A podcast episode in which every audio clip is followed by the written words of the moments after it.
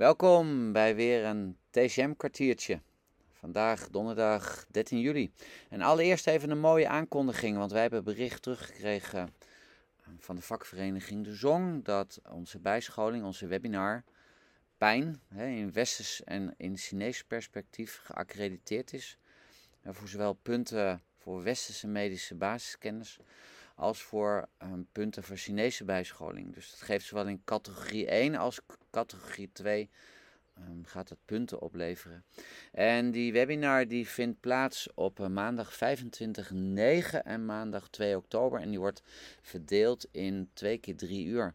En die ga ik samen geven met Anja Karrig. Anja is een uh, bevriende huisarts en um, die geeft ook trainingen aan, uh, aan huisartsen. En die heb ik ook bereid gevonden om uh, deze keer um, samen met TCM Loffer, een westerse medische bijscholing, maar ook natuurlijk een TCM-bijscholing te geven. Dus wij gaan samen eigenlijk babbelen over wat pijn inhoudt, zowel westers als Chinees. Maar vandaag um, hebben we het over het in ons TCM-kwartiertje over levertiestagnatie en over hitte. We hebben het de vorige week, um, vorige keer hebben we het gehad over uh, hypochondrische pijn.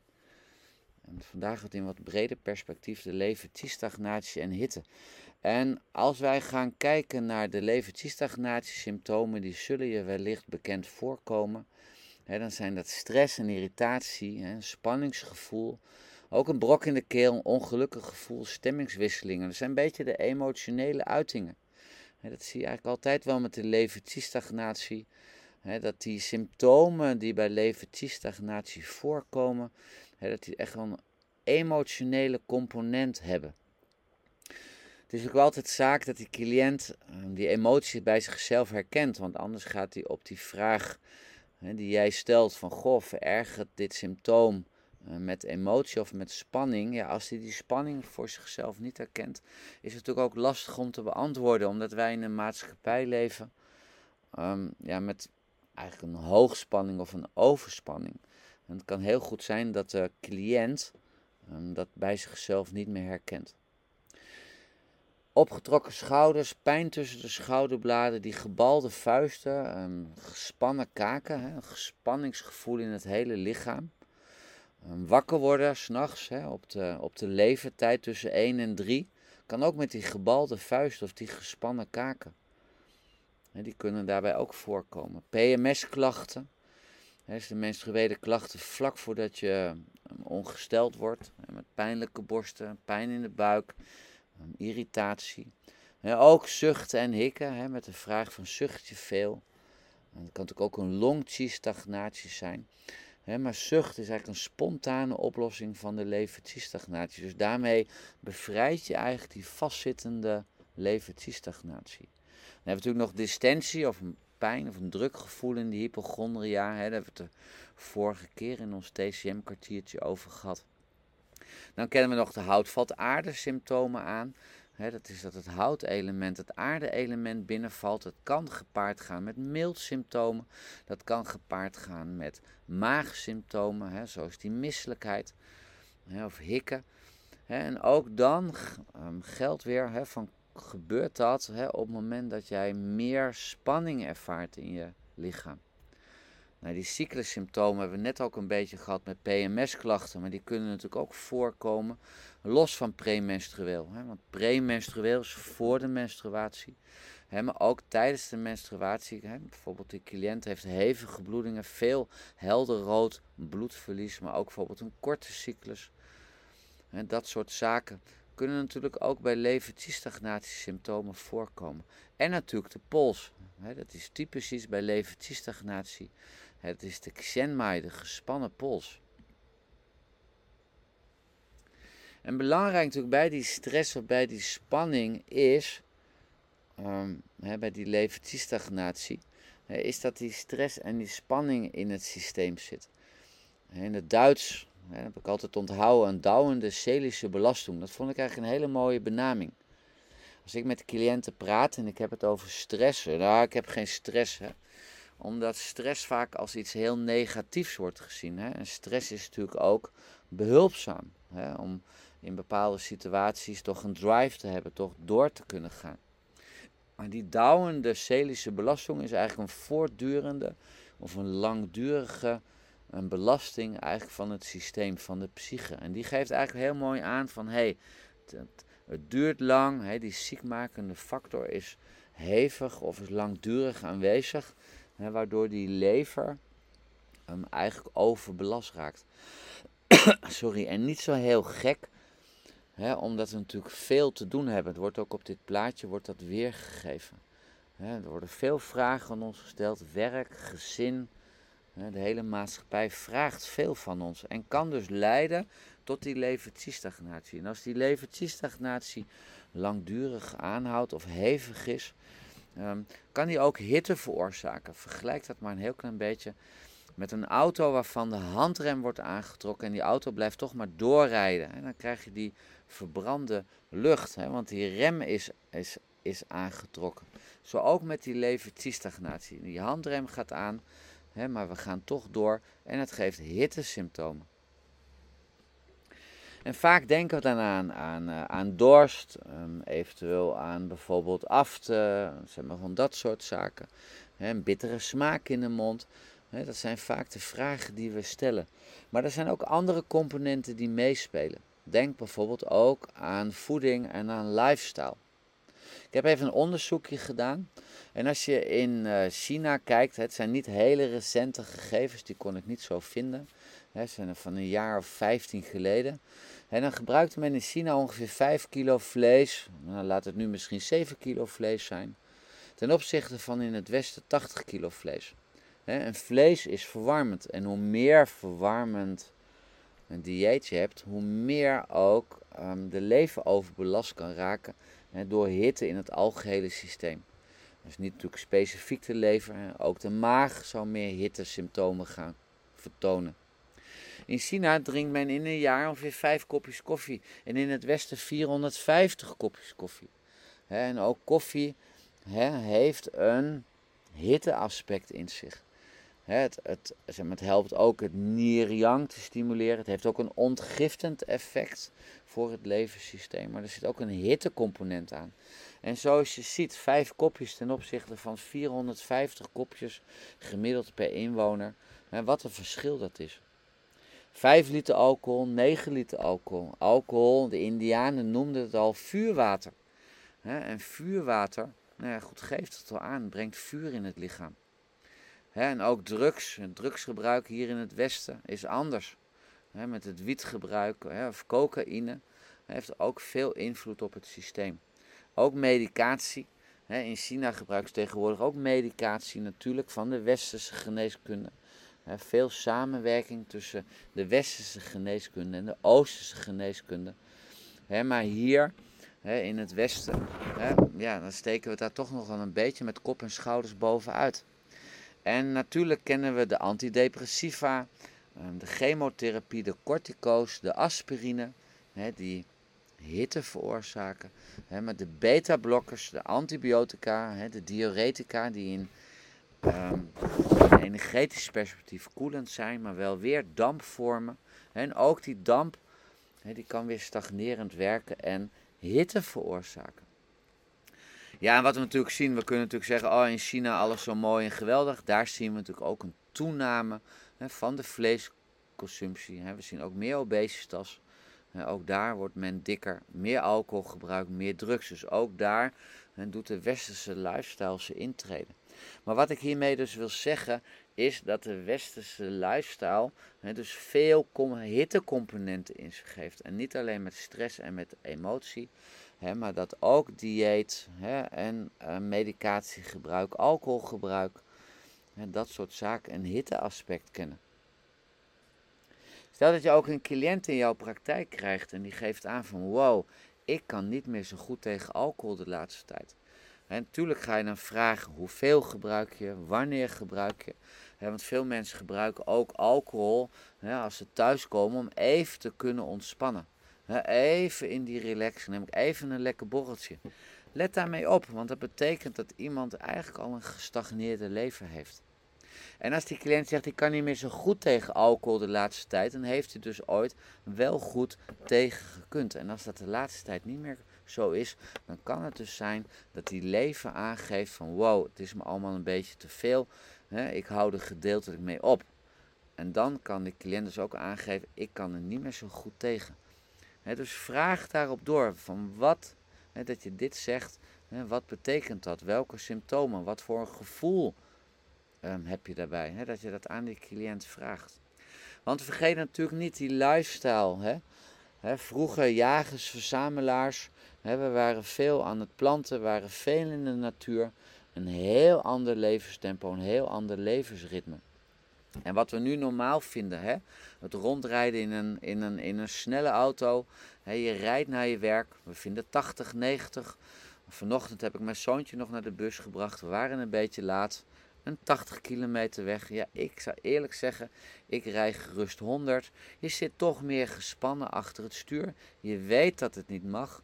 dus ook daarin, in dat ja, laten we zeggen, nou ja, niet normale, maar wat we dan even als normaal zien op dat moment, want we willen die bus halen, ook dat gedrag hè, geeft levertiestagnatie. Hè, dus ook daarin zie je die verschuiving, dat ook van dat planten en van in de natuur bezig zijn, dat ook in die auto, die lifestyle, die neemt ons eigenlijk allemaal mee. En het is reuze lastig om daar ehm, ja, afstand van te nemen maar wel een goed punt om bespreekbaar te maken met je cliënt. Maar goed, dat die levertiestagnatie aanwezig is in de westerse maatschappij, dat mogen duidelijk zijn. En als dat langdurig is of hevig is, hè, dan kan die levertiestagnatie um, ja, dus hitteaspecten gaan vertonen. Hè, zoals die dorst, hè, zoals die bittere smaak, hè, die metaalachtige smaak.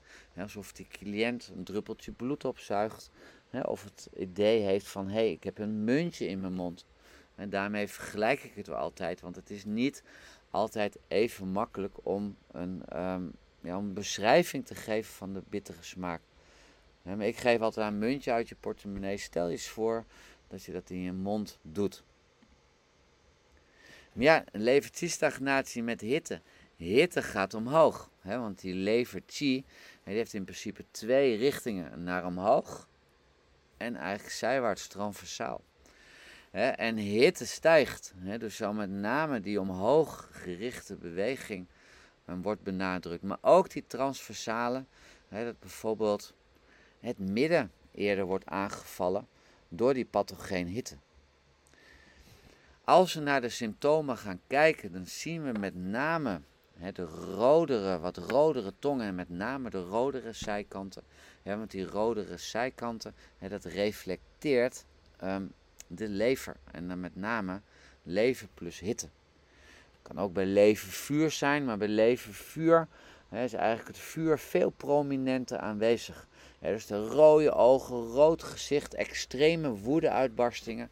en bij leverstagnatie met hitte is dat weer net wat milder kan best lastig zijn om daar een differentiatie in te maken. Want ook levertiestagnatie met hitte ja, kent eigenlijk dan wat mildere um, vuursymptomen. Waar we het nog meer aan kennen, hè, naast die tong met die rodere zijkant, is een overvloeiende pols. En dat is een damai, je kan hem ook in een gongmai zien. En het gaat er in die zin eigenlijk om, is die leverpositie als je op die pols die leverpositie voelt, is die dan breder dan de andere posities op die pols? of is het zo dat die eigenlijk wat breder is, maar dat die grenzen eigenlijk minder duidelijk aanwezig zijn. Je zult dus een Xianmai hebben, maar op de leverpositie is hij weer net wat breder. Dat kan dus een indicatie zijn voor een levertiestagnatie met hitte. die hitte kan ook die pols wat versnellen, maar dat zul je eerder op de hele pols voelen. maar die leverpositie zelf, die kan wat breder zijn. Of die begrenzing is wat breder, maar ook wat minder duidelijk um, afgebakend. Dus eigenlijk wat minder hardere randen. Hij is wat breder in die tweede positie. Je kan dat een beetje vergelijken met melk eigenlijk die overkookt. je voelt eigenlijk um, die leverpositie onder je vinger. En hij is daar op die positie in die tweede positie, die middenpositie, is hij wat, ehm, wat breder. net als eigenlijk over melk die dan over het pannetje heen stroomt. Net al genoemd, die hitte is stijgend. En die hitte geeft ook een hittegevoel in het hele lichaam, maar ook in het gezicht. En dat kan zich ook uiten, dus in die, dat rode gezicht. Er is dorst en ook die boosheid die schiet omhoog. Vergelijk dat maar een beetje met een Live Yang Rising. Dus niet meer die irritatie of die frustratie die je binnen kan houden. Het zijn eigenlijk op het moment dat die hittecomponent gaat spelen, het een beetje in de richting van vuur gaat. En dan komt dus echt um, ja, woede aanvallen. Maar we kennen ook die transversale, die levertiestagnatie met hitte, die ook dat midden kan aanvallen en die die ontlasting kan drogen.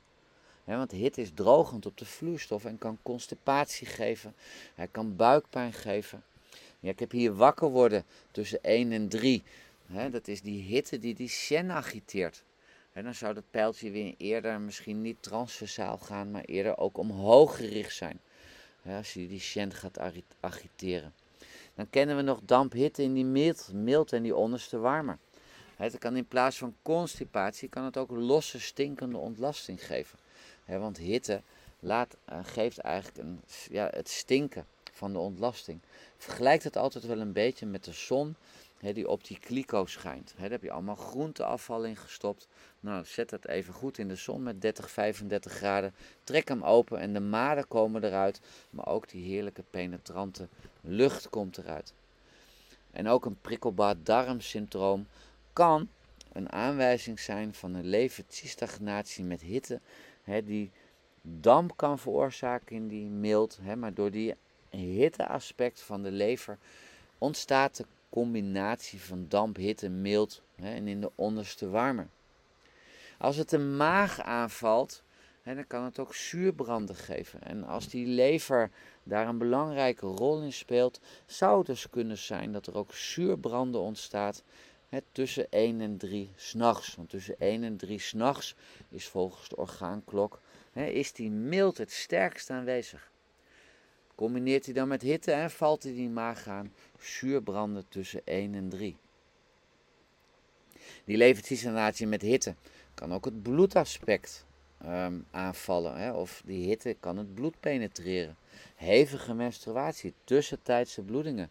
Hè? Of een korte cyclus met hevig bloed, rood bloedverlies kunnen daar dan van symptomen zijn. Naast natuurlijk de gewone algemene levertiestagnatiesymptomen waar ik deze webinar mee ben begonnen. dus bijvoorbeeld de irritatie, pijnlijke schouders tussen de schouderbladen, veel zuchten, stemmingswisselingen. andere symptomen, dus algemene symptomen. Die levertiestagnatie die kan ook die onderste warme aanvallen, dus het gebied van de blaas, en daar een rol gaan spelen. dat het hitte die blaas binnentreedt en daar dus een blaasontsteking kan veroorzaken. Dus hitte in de blaas of zelfs zich kan gaan combineren met damp en damp hitte in de blaas kan veroorzaken. maar ook urineretentie kan een oorzaak zijn. Maar je kan je ook zo voorstellen dat hitte in de blaas urine geeft met bloed in de urine altijd wel weer doorvragen, zijn er andere levertiestagnatie-symptomen die daar een rol spelen. Die levertiestagnatie met hitte die kan ook de long aanvallen. Ook wel bekend in de vijf elementen hè, als hout beledigd metaal.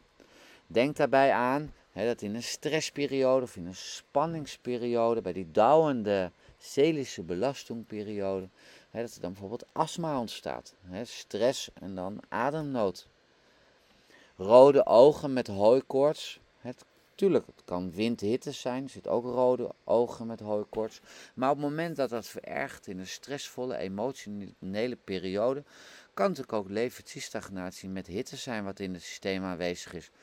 Natuurlijk, al deze syndromen, check die pols, kijk naar de tong met die rodere randen.